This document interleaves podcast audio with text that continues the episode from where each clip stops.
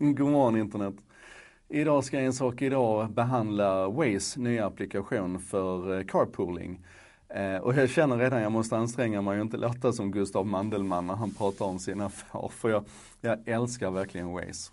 Waze är alltså tjänsten som eh, hjälper oss att navigera i trafiken. Den skapades som en eh, community service kan man säga i Israel redan 2006, den är alltså 12 år gammal nu, under namnet Free Map Israel. Eh, tre år senare så gjorde man om det till Waze.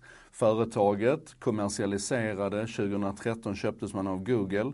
Fast att Google hade Google Maps så köpte man alltså Waze. Och, och det är nog ett av få exempel där Google verkligen liksom har lyckats låta en tjänst leva och frodas parallellt med sina egna. Det som skiljer Waze ifrån Google Maps det är framförallt fokuset på communityt och på den, den mänskliga interaktionen. Man är verkligen en del av någonting större när man använder, använder Waze. Eh, för precis som Google Maps så hjälper den ju dig att navigera genom att alla användare automatiskt rapporterar tillbaka data. Så att när ett antal Waze-användare eh, står stilla på vägen för att det är en bilkö så kommer alla Waze-användare bakom automatiskt att dirigeras till en ny, eh, en, en ny riktning, en ny väg fram. Ehm, och det, det, behöver man liksom inte göra någonting aktivt när du sitter fast där i bilkön. Men däremot så kan du också rapportera att det står en, en bil vid vägrenen, alltså manuellt rapportera det. Eller du kan tala om att den här vägen finns inte längre eller den är avstängd på grund av ett vägarbete.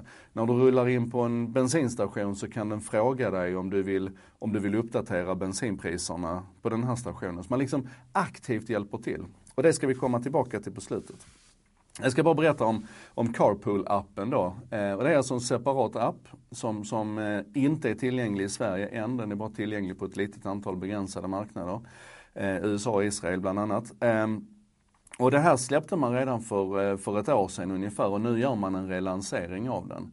Och det man har gjort nu är att man har lagt till fler filter så att du kan alltså Ungefär som i Uber, att du kan, du kan välja vem du vill åka med och vem du vill plocka upp baserat på star ratings och gemensamma vänner och kanske framförallt om man delar samma arbetsplats eller, eller så. Så att du kan liksom få lite extra trygghet i det här systemet. Och ännu mer trygghet kan du få genom att du faktiskt också kan lägga till filter så att du till exempel kan välja att jag bara vill ha en, en kvinnlig förare och så du kan matcha på kön och ett antal andra parametrar.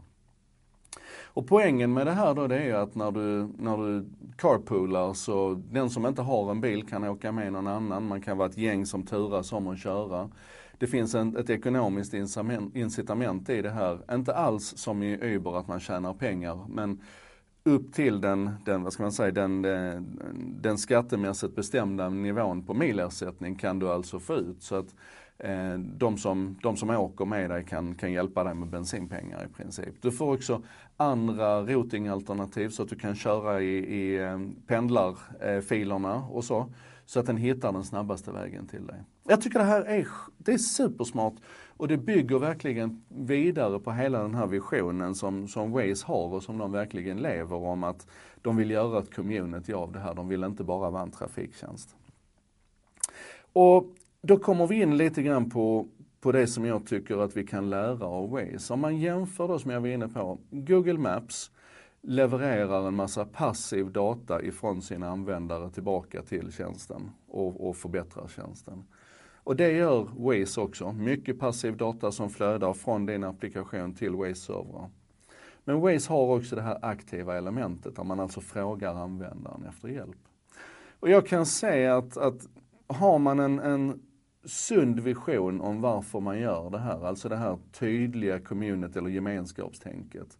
Har man en teknisk plattform som, som möjliggör det och du sen har tillräckligt stora volymer av användare så är det där en självklarhet. Och man kan se det lite grann som att, att varför Wikipedia vann över Nationalencyklopedin. Vi gör det tillsammans helt enkelt. Det finns en stark känsla av gemenskap på, på internet. Och Wisdom of crowds och ni vet alla de här mekanismerna gör ju att de här grejerna fungerar. Och frågan som jag vill ställa till dig, det är att i ditt företag, din organisation, där du har någon form av gränsyta mot kunden. Vad ber du dina kunder om hjälp med? Eller är kunden bara en, en plånbok för dig? Eller är kunden bara en, en, eh, en krävande mottagare av dina tjänster? Eller är det faktiskt så att du liksom frågar tillbaka emellanåt och ber kunderna engagera sig i det som, det som är ert gemensamma intresse? Jag tycker det är superspännande att lära av Waze. Jag tycker vi ska göra det allihopa. Det här var En sak idag nummer 161 tror jag. Producerades av mig Joakim Jardenberg tillsammans med eh, gänget på Bredband2. Eh, internetoperatören som gärna lyssnar när andra snackar. Eh, det textas av gänget på Contentor som eh, fram emot lunch ser till att det finns både svensk och engelsk text på det här. Fina grejer det. Häng med här nu i diskussionen och så ses vi imorgon igen med en annan En sak idag.